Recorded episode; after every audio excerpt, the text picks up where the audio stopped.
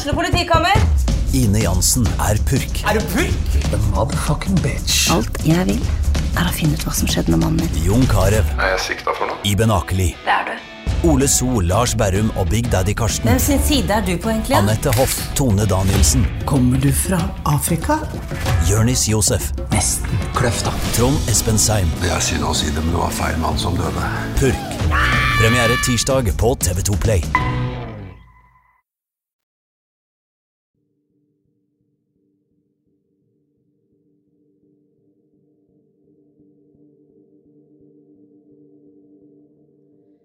August 1993 starta som en helt vanlig dag på jobben for han politiinspektør Lars Lundbekk.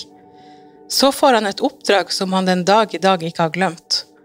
Politiet i Kiruna får melding om at nordmannen Terje Tobiassen har drukna i Tornetresk, og at vitnet har funnet en kald, våt og forvirra mann alene på ei øy sammen med fem hunder.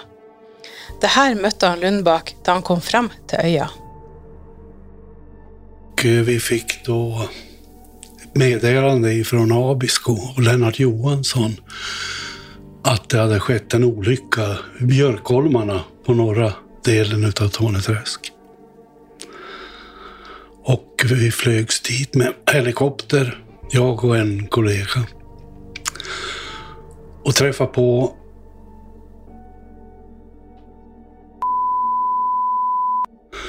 genomblöt, rädd och hade med sig hundar på ön och berättade att hans kamrat Terje Tobiasen från Narvik hade drunknat. Det høres ut som ei helt vanlig ulykke. To kamerater på helgetur på ei øy i Tornetresk. De skal trene hundene i forkant av høstens fuglejakt. Så tar det fyr i teltet. Terje blir opprørt og drar ut i båten alene, og faller i vannet 50 meter fra land. Kompisen svømmer ut for å forsøke å berge han, men må slippe tak i han like ved land for å berge seg sjøl. Det er kortversjonen av forklaringa kompisen gir til politiet. Dagen etter drar 32-åringen fra Finnmark tilbake til øya med politiet. Han er i dag død, og siden han ikke kan gi sin versjon, velger vi å ikke bruke navnet hans. Det er nå gått tre dager siden Terje ifølge 32-åringen falt i vannet og trolig drukna. I en rapport fra dagen etter, altså den 24. august, kan vi lese at dykkere og politipersonell reiser med helikopter til øya for å søke etter kroppen til Terje. 32-åringen forklarer politiet hvor ulykka skjedde. Klokka 14.30 rapporterer han Lundbekk at dykkere må avbryte uten resultat. Han forteller at de ikke har funnet kroppen, men en del andre gjenstander. Ifølge en rapport han Lundbekk skrev etterpå, så fant dykkerne et herrearmbåndsur, ullsokker og en hundesele. Funnene ble gjort i nærheten av der båten lå sunket, ca. 15-20 meter fra land. På land ble det funnet ytterligere en ullsokk, identisk med den dykkerne fant i nærheten av båten. 32-åringen identifiserer klokka og ullsokkene som sine. Han sier hundehalsbåndet kan ha vært i båten. Det søkes også med båt i området langs strendene, og man ser med vannkikkert ned i vannet. Det blir også søkt med helikopter. I rapporten står det at det ble laget ei skisse over teltplassen, og at det ble tatt bilder. Bildene som fremover har fått tilgang til, viser en lavvo som står på en åpen, flat slette. Like ved det busker og kratt. Han Tore Olofsson har bodd i Bjørkliden mesteparten av livet. Han beskriver øya sånn. Ja, det er en liten platt och det er jo fint å telte der. Så, og eh, man, kan legge båten, det, den ligger bra der, for det er jo litt sandstrand. Er det eh, dypt vann rundt? Ja, ikke just rundt øen. Det det inget djupvatten. Nei. Så det er en fin plass å, å campe? Det er en fin plass å campe. Er det en fin plass å trene fuglehunder? Nei, ikke just på den øen, men det fins jo øer rundt omkring som er mer fugl på enn den øen. På bildene kan vi se at teltduken henger fast i teltstengeren på den ene sida, men mesteparten av teltduken er borte. Det står en oransje kjølebag et par meter unna teltet, og det står en hvit plaststol like ved. En grå kasse står like utenfor teltstengeren, og det ligger også soveposer, en søppelsekk og en halvfull dunk med rødsprit der. Kokeutstyr ligger slengt litt her og der, og det er generelt ikke spesielt ryddig inne i teltet. På et av bildene ligger det greiner av bjørk opp mot stedet der det er litt igjen av teltduken. Det ligger også ei nedsaga bjørk ved teltet. Det kan virke som at busken er brukt for å gi ly og beskyttelse mot været. På bildene ser vi at den grå kassa som står innenfor teltstengeren, har tydelige brennmerker på den ene sida. Etter at politiet har tatt bildene, får 32-åringen pakke sammen tingene og få hjelp av en politibetjent til det. Alt blir frakta inn til Abisko og legges i et båthus. Letinga etter han Terje fortsetter med dykkere, helikopter, båter og hunder. Dykkerne konsentrerer seg om det området 32-åringen har pekt ut. De deler området inn i rute ved hjelp av bøyer. Så søker de systematisk gjennom rute for rute, står det i en rapport fra 25. august. Klokka 17 har de kommet til den siste ruta. De er nå 145 meter fra land, og langt unna der båten ble funnet sunket. På ni meters dyp finner dykkerne to støvler av merket Viking. De er størrelse 43, grønn og har et nedbretta skaft. Støvlene står ca. én meter fra hverandre på bunnen av innsjøen. De finner også en pakke med sigarettpapir og tre stykker løse papir noen meter fra støvlene. Der ligger også et kokekar fra et spritkjøkken. Litt senere på dagen så blir kokekaret identifisert til å tilhøre Terje sin båt. Politiet får høre at det blir brukt som øsekar. Vitnet, hvem det vet jeg ikke, for navnet sladda, kjenner ikke igjen støvlene og sa at vedkommende aldri hadde sett Terje i sånne støvler. Øya ble også gjennomsøkt med hund. Det samme blir strendene langs Tornetresk sin nordside. Også denne dagen brukes helikopter. Båten til Terje blir naturlig nok også undersøkt. Det skjer blant annet den 25. august mens den ligger i Abisko. I rapporten står det at, det, at man blant annet ikke finner noen skader som de tror har skjedd i forbindelse med ulykka men på motoren finner de skrapet i lakken som virker fersk langs den ene sida. I båthuset der eiendelen fra øya ligger lagra, finner de matrester, engangs gassflaske og en grønn teltduk. Det er teltstenger, og i eske finner de en signalpistol. De finner norske og svenske matvarer. Så følger en lang rapport over alle eiendelene på stedet. På lista over hva som er der, står alt ifra matvarer til klær og hundevester, tobakk, en elektrisk myggjager og medisin tilhørende Terje, for å nevne noe. Personer som kjenner han Terje godt, blir kontakta. En av dem fortalte svensk politi at han ikke tror at Terje, selv om han var drita full, ville tatt båten og forlatt øya uten hundene. Vitnet reagerer også på at politiet ikke finner nøklene til Terje sin buss, og hans pengebok i den grå kassa som sto i teltet. Den hadde Terje alltid med seg på tur, og han la alltid bilnøkler og penger i denne kassa. Den 26. august fortsetter søket. Dykkerne konsentrerer seg om områder der de fant støvlene, og søker i sirkler på 50 meter ut fra dette stedet. Noen meter unna finner de nå et par briller med brune båger. Brillene har progressive glass, og det viser seg at de tilhørte Terje. Dykkerne avslutter etter å ha gjennomsøkt det aktuelle området flere ganger uten å finne han Terje. En av dykkerne som var med denne dagen, er politimannen Roine Nordstrøm. Hvor lang erfaring hadde du som dykker på dette tidspunktet? Eh, ja, det her var jo mange år siden nå. Men jeg har dykt siden eh, slutet på 60-tallet. Så jeg hadde ganske lang erfarenhet. Ja og har vært aktiv siden dess. Då. Som sportsdykkere eller arbeidsdykkere? Ja, som sportsdykkere. Og sen eh, har jeg hatt en, firma også som har gjort eh, jobb åt eh, olika intressenter då. Ja. Og, og, privatpersoner. De kan ha kjørt med skotrar gjennom isen og sånne saker. Så lettere jobb og kortere jobb. Ja. Hva, hva, kan du berette om søket etter Terje de her første dagene i august i 1993? Ja, vi, vi kom jo inn i det skedet når eh, man hadde kommet underfund med at eh, Terje hadde nok eh, havnet i vattnet på noe sett. Og man mistenkte at, eh, att det hadde skett noe. för alltså något brott.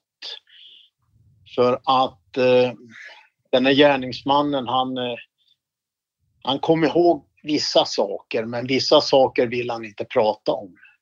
Och det var ju lite misstänkt sådär så att eh, vi ville ju försöka hitta kroppen då. Ja, men hade man, hade man misstanke redan dagen efter? Ja, det hade man. Han eh, betedde sig på det sättet, den här eh, misstänkte att eh, det kan ha varit ett brott bakom Ja. hela ja, försvinnandet här. Så vi eh, började dyka då eh, efter eh, vad den misstänkte hade sagt hade skett.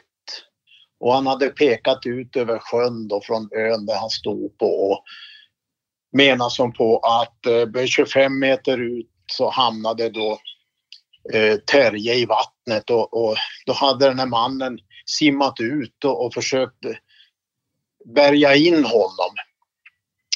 Och, och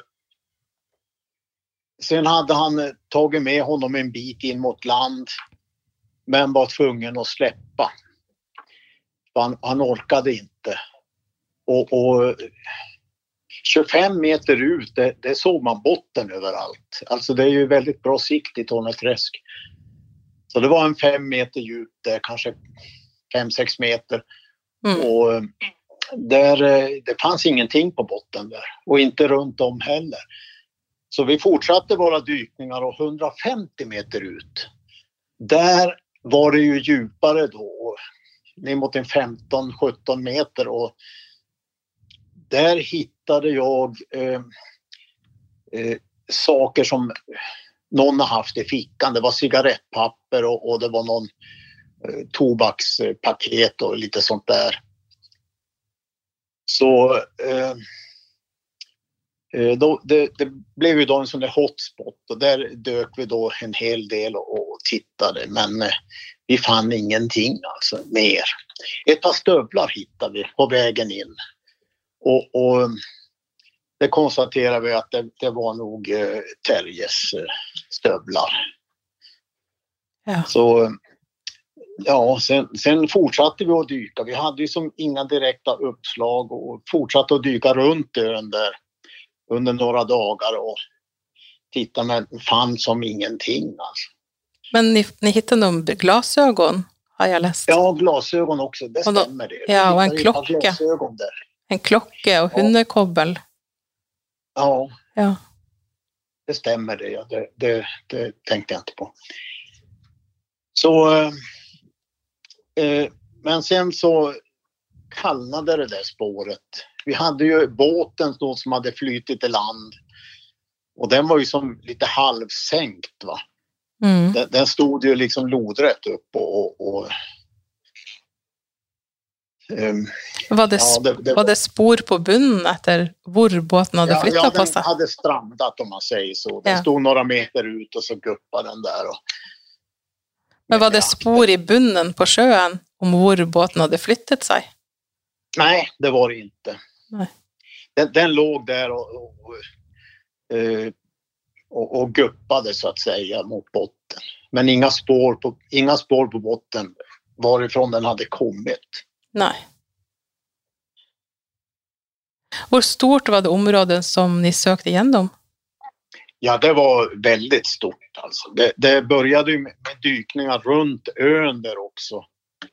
Og, och ja, så langt man eh, kommer ned, 20-25 meter. Eh, och det har man någorlunda godt om tid va? Med, med lufttuber. Men sen när det blir djupare då blir det så kort om tid och, och, då tog vi dit eh, en, en sån där sjöuggla man kallar det för. Det, det är någon slags, eh, eh, ja som en, eh, en liten robot som, som med kamera som man kan styra från ytan. Och den har en liten, eh, ett litet ekolod eh, på sig också så man kan se om det är någonting framför den, 20 meter. Och, och det var ju en del saker vi såg, men det var ju ofta stenar. Va? Mm. Och det gick vi ju djupare och djupare ner och, och men vi fann som ingenting. Politiet snakker også med flere vitner som har vært på Tornetresk for å fiske denne helga. Flere har sett de to, og noen av vitnene har også prata med dem. Men ingen så noe på lørdag kveld eller søndag. Men ett vitne forteller at hennes mann hadde stått opp ved femtida på morgenen søndag 22. august for å koke kaffe. Sjøl lå hun i senga da hun hørte lyden av en motorbåt. Da sier hun til mannen sin, der kommer de, og sikter da til nordmennene. Hun reiste seg og så ut av vinduet, men kunne ikke se noen båt. Dette avhøret er gjort av Lars Lundbekk 8.9.1993. Her forteller han litt om denne observasjonen. Det fanns en, ett vittne som var i Djupviken. En som hade på natten vaknat och hört en motorbåt som körde i riktning mot Tornehamn. Hon hade inte sett den eller klivit upp, men bara några minuter senare så hör hon att den är på väg tillbaks och troligtvis då mot Björkholmen. Och det var lite konstigt? Ja, det var ju märkligt eftersom han hade ju en helt annan historia. Familien til Terje og venner deltar også i søket. Helga etter at Terje ble meldt savna, var et tjuetalls venner og bekjente i området for å lete, skriver fremover. Vennene hadde med seg undervannskamera, ekkolodd og hunder. Søkene fortsetter i dagen etter med både ekkolodd og dykkere, og det settes inn flere tjenestehunder i søket den 31. august. Denne dagen så skriver fremover også at 32-åringen skal miste ei jakke. I den var det 20 000 kroner i lomma. Jakken vrengte han ifølge egen forklaring av seg da han svømte ut for å berge han Terje. Denne jakken ble aldri funnet, og at han hadde penger, det kan pensjonert politimann Jon Ivar bekrefte. Han var sentral i etterforskninga i saka, og her forteller han om de mista pengene. Låt jeg tänka, det var så att hade kört, han körde grävmaskin åt en svensk företagare någonstans i Jokkmokk, Porjusområdet. Och han hade fått en lön på bra många tusen. Eh, och som han hade i sin, han hade en skinnjacka och han hade de där pengarna i ett kuvert. På den tiden hade han fått dem i kontanter. Va? Och han hade ju lagt ner mycket pengar på Systembolaget i Kiruna och sen hade de handlat mat, de skulle ha trevligt. Och, och var det inte så att hade, skulle betala för en hundvalp Mm. till Terje. Ja. Mm. En pointer. Va? För Terje var ju eh, erkänt duktig pointeruppfödare. Det stemmer. Det stämmer. Ja. Och han hade ju... Eh, den där... Kan det också ha varit så att... Eh, kan det också ha varit så att den här, det där kuvertet där det skulle vara ett antal tusenlappar kvar, kanske 8000 eller något sånt. Eller 20. Eller 20, jag vet inte. Men att den kom aldrig till, eller i varje fall så sa att den var borta. Ja, den, den var i den jakken som han tok av seg når han simmade ut for å Var det berge så? Terje. Jo, jo, jo, men du ser, Mm. det stemmer jo litt grann med minnesbilden. Jo. Politiet i Kiruna har nå starta det man i Sverige kaller en forundersøkning. Jon Ivar forklarer her hva det er for noe. Förundersökning är när man, börjar, när man eh, be, säger att det har begåtts ett brott och så inleder man och då träder en massa lagparagrafer in som reglerar hur man ska gå tillväga. En brottsutredning. Mm. Och då finns det en förundersökningsledare som är ansvarig för. Och på... eh, Det var litt annorlunda med förundersökningar på den tiden. Det var så att förundersökningskostnader, de eh, var obegränsade. Man sa att huvudsaken är att man löser ett brott. Va? Idag är det ju annat. Idag måste man värdera pengar på annat sätt. Va? Politiet syns det er et mysterium at de ikke finner Terje. Kriminalkommissarie Sten Høgstrøm sier de alltid har funnet folk med tilsvarende søk tidligere. Den 1. september tar man i bruk en sjøugle. Det er en undervannsfarkost. Søket fortsetter i flere dager, men man finner ingen spor. 15. september skriver fremover at svensk politi har avført personer som har gitt nye opplysninger når det gjelder bevegelse av båter og biler, men mer vil ikke politiet si om det akkurat nå. Men i en senere episode får du høre om vitneobservasjonene og hva politiet tror. De pårørende til Terje har fått opp en spesialbåt fra Venneren, og med den søker de etter Terje i området, parallelt med politiet sine søk. Men denne letinga er like resultatløs som politiet sin. Vi har lett så mye at vi er nesten sikre på at han ikke er der. Vi har søkt på de andre øyene, og vi har gjennomført grundige søk med hund på land. I denne saken holder vi alle muligheter åpne, og vi undersøker derfor også alle muligheter, sier kriminalkommissær Sten Høgsund til Fremover den 15. september i 1993. Så, den 20. september, har politiet fått tak i tre hunder som er spesialtrent for å finne døde kropper i vann. Sammen med dykker og båt starter de et søk i vannet. Også de starter søket i det området der 32-åringen har sagt at han Terje forsvant. Ca. 250 meter fra land i østlig retning markerer hunden Sampo. Gjentatte tester viser at et område ca. 15-20 meter fra land er spesielt interessant. På dette stedet finner dykkerne to støvler, som om politiinspektør Lars Lundbekk slapp ned der tidligere. I Fremover den 21. september kan vi lese om funnet av støvlene. Støvlene ble lagt ned der noen dager siden fordi vi ønska å se om de blir flytta på av strømmen, eller om de fløyt opp til overflata. Men støvlene har ikke rørt på seg, forteller politimannen Roine Nordstrøm.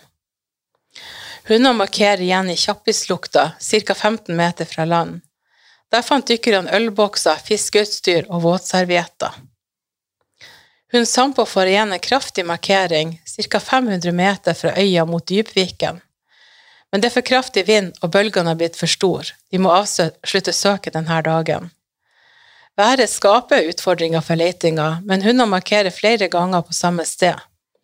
Dykkere leter i vannet, men her er det 40 meter dypt. Det er derfor vanskelig å søke gjennom området. Forsvinninga er et mysterium, både for politiet og familien. Det begynner å gå spekulasjoner og rykter om at han Terje ikke drukna, men har stukket til utlandet. Da går sønnen Geir ut i Fremover 23. september. Han ber om at familien blir spart for spekulasjoner og fantasifulle historier. I stedet for å bruke krefter på å dikte opp de mest utrolige historier, hadde jeg heller sett at ryktemakerne brukte ressurser på å hjelpe oss i søkearbeidet, sier han. Med på dette søket er også farens svoger, han Lennart Bohm, og farens gode jaktkamerat Gunnar Inge Rognmo. Hver dag i fem uker har de tre drevet søk i ulykkesområdet parallelt med politiet. De holder gående fra morgen til kveld, og svogeren har tatt seg fri fra jobben for å delta i søket. Den første tida søker de langs strandkanten i alle retninger, forteller de til fremover. De siste tre ukene har de søkt i sjøen. Han Boom har frakta sin cabincruiser opp fra Sør-Sverige for leitinga, Båten har moderne ekkolodd, og de bruker også dregg og vannkikkert. Sønnen til Terje roser befolkninga i Abiska, og ikke minst Kiruna-politiet. De har gjort hva de har kunnet for å hjelpe oss. Politiet har heller ikke spart på kroner. De har brukt alle tenkelige ressurser. Da Lennart foreslo å prøve superhundene, var det gjort i en fei å hente dem opp fra Østersund, på politiets regning. De har dessuten vært flinke med å informere oss fortløpende, sier Geir. Den 25. september skriver fremover at superhundene har reist hjem, uten at det er gjort funn av kroppen til Terje. Svensk politi våger ikke å sende dykkere ned der hundene flere ganger har gjort kraftige markeringer. Det er for dypt, og området er markert med bøyer. Alle indikasjoner tyder på at det er noe interessant som ligger under vann i det aktuelle området, sier kriminalkommissær Sten Høgstrøm. En miniutbåt søker gjennom området uten resultat, men svensk politi gikk opp og finner Terje. Den svenske staten ønsker å bruke alle mulige ressurser i letinga etter nordmannen. Nå setter de inn en stor bemanna ubåt i søket, forteller Fremover 21. oktober. Det er et firma i Luleå som eier en ni meter lang, nesten to meter brei og fem og et halvt tonn tung ubåt. Den betjenes av to personer. Svensk politi håper at de kan finne den savna Terje Tobiassen. Ubåten skal søke mellom Tornhavn og øya der Terje Tobiassen skal ha falt i vannet. Birger Ahlstrøm er en av de to som skal betjene ubåten. Han er også medeier i den. Han har skader på hørselen og får derfor hjelp av kona når han ikke hører mine spørsmål. Kan du fortelle meg litt om hva som var din rolle i letearbeidet etter han Terje Tobiassen? Hva var din rolle i etter Tobiassen? Nej, jag var jo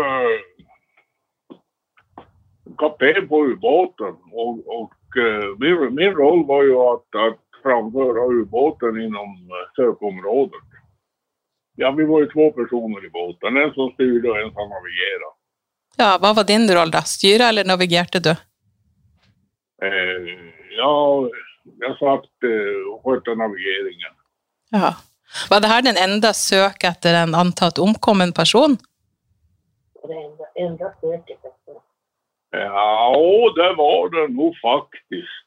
Det, det var nå en, en, jo, jeg tenker etter så var det nå enda, enda gången vi søkte person. Annars, annars søkte vi jo saker så å si. Og s- ledninger og och eh, både, både vattenledningar och avloppsledningar och elledningar Ja. Och sökte reda på fel på dem. Men hur var siktet i vattnet i Torneträsk? Ja, det var som en kristallkula. Man såg hur långt som helst. Hur långt såg du? Mellan, mellan 30 och 50 meter. Ja. Och hur, hur djupt kunde ni dyka? Hur djupt kunde ni dyka? Ja, vi, vi kunde ju dyka till 200 meter. Var ni så djupt? Det, hva? Var ni så djupt i Torneträsk? Nei, det var vi ikke. Vi var nede på 50-60 meter Der. Det var ikke dypere i det søkeområdet vi hadde. Mm. Men hva så ni på bunnen? Hittade ni noe? Ja, pimpelspön og kastspön og ølburker og ja, skräp. Ja, men ingen kropp. Hva sa du? Men du fant ingen kropp etter Terje? Nej, det, det, det, det finnes ingen kropp der, inte inom søkeområdet. Det, hadde vi hittet den. Ja, det er du sikker på? Vi kjørte både kors og tvers. eh, og eh, hadde delt opp det i ett rutnät och dessutom hadde vi soner i båten. Så eh, vi... Hade det funnits en kropp där, då hade vi hittat den. Men hur ser det ut på botten av Torneträsk? Ja, det var som du tänker det. eh, Stora diken på botten. Så att eh, hade det funnits en kropp där så hade, de ju, hade den ju rullat ner till botten på, på det här diket om du förstår vad jag menar. Mm. Och vi kjørte både tvers over här kanjoner, kan, canyons og så kjørte vi inn i, inn i dikena og vägen och uh, kolla gjennom så det inte fanns der. Var det lange dager? Var det lange dagar? Ja, det var det jo. Det var, vi kjørte jo fra tidlig om morgenen til sena kvällen. Ubåten søker gjennom et stort område i Tornetresk. 11. november skriver fremover at været setter en definitiv stopp for videre søk. Høy sjø og kulda førte at ubåten ble nedisa. Av sikkerhetsmessige årsaker kan vi derfor ikke fortsette, sier kriminalkommissær Sten Høgstrøm. Planen til politiet er nå å fortsette søket til våren, når isen går av vannet. Men de venter ikke så lenge. Allerede i slutten av mars begynner politiet med isspor og undervannskamera å undersøke tårnet Tresk. Fremover forteller 7. april at letinga har pågått i 14 dager, og at 40 000 kvadratmeter er undersøkt. De har fortsatt søket i det aktuelle området der den bemanna ubåten ikke fikk fullført søkene i november. For Lars Lundbæk er dette en tidkrevende, vanskelig og til tider kald fornøyelse.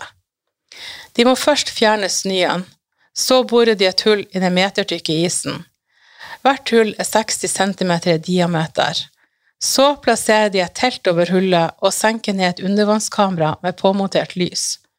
Så bor de et nytt hull 15 meter unna og flytter alt med seg dit. Jeg traff for bare noen måneder siden en av killene som borrade hål åt oss.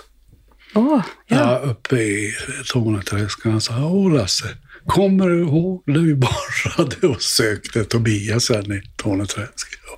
Jajamän. Hvor mange hull ble det?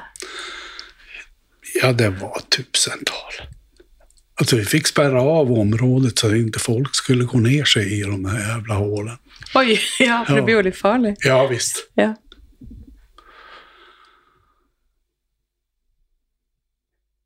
Ja, så var det. Hørtes kaldt ut. Ja, det var ganska kallt. Men jag hade en eh, ark, du vet sån en liten bolig som Mm. du har på isen. Mm. Som vi hade på en kälke. Och så satt en inne och tittade på en tv-monitor och den andra var ute och, och sänkte ner kameran då till det djup. Och då hade vi då så att vi kunde köra den 100-360 grader. Jag kommer inte ihåg hur... Men vi mätte ju ut ett visst mellanrum mellan hålen för kameran täckte ju en viss bit. Ja, et visst område. Ja, så att vi var hundraprocentigt säkra på att vi har, vi har täckt hela området. Men etter letinga står det fremdeles igjen uten et eneste spor. Det hele er et stort mysterium. Hvordan kan en mann på 72 kilo bare forsvinne sporløst? 2. juni i 1994 forteller fremover at svensk politi skal gjenoppta søkene etter Tobiassen så snart snøsmeltinga er over. Det har nå gått ni måneder siden Narvik-mannen forsvant, men politiet har ikke gitt opp håp om å finne han.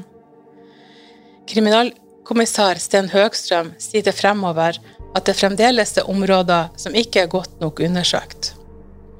I 1994 dukker det også opp nye vitner. De har sett bussen til Terje på et helt annet sted enn 32-åringen har forklart.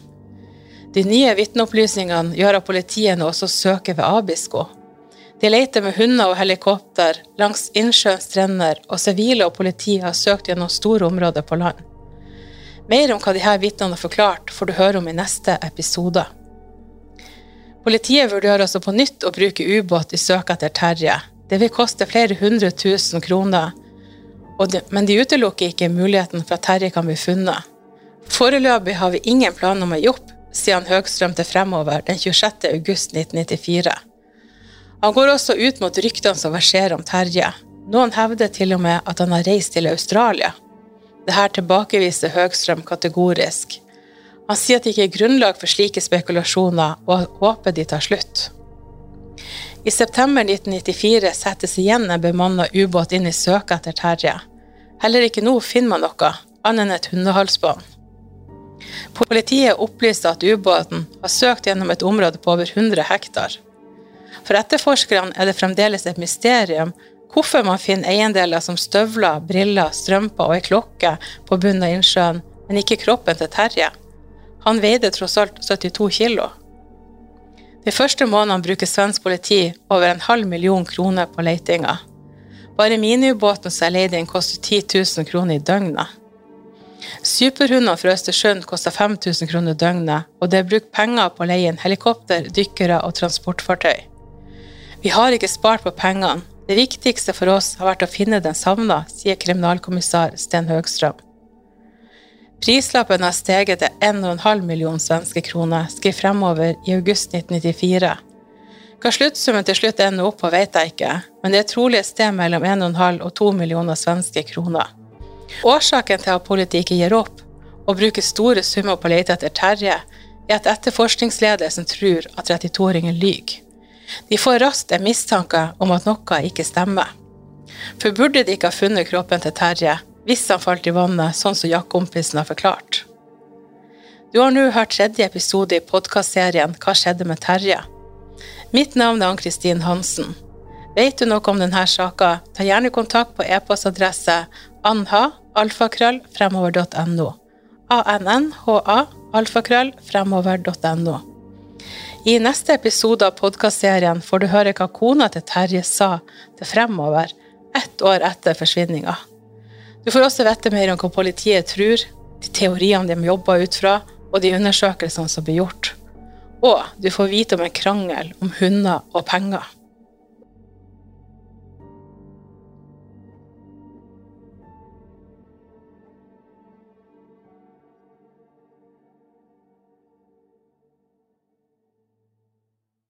Har du et enkeltpersonforetak eller en liten bedrift?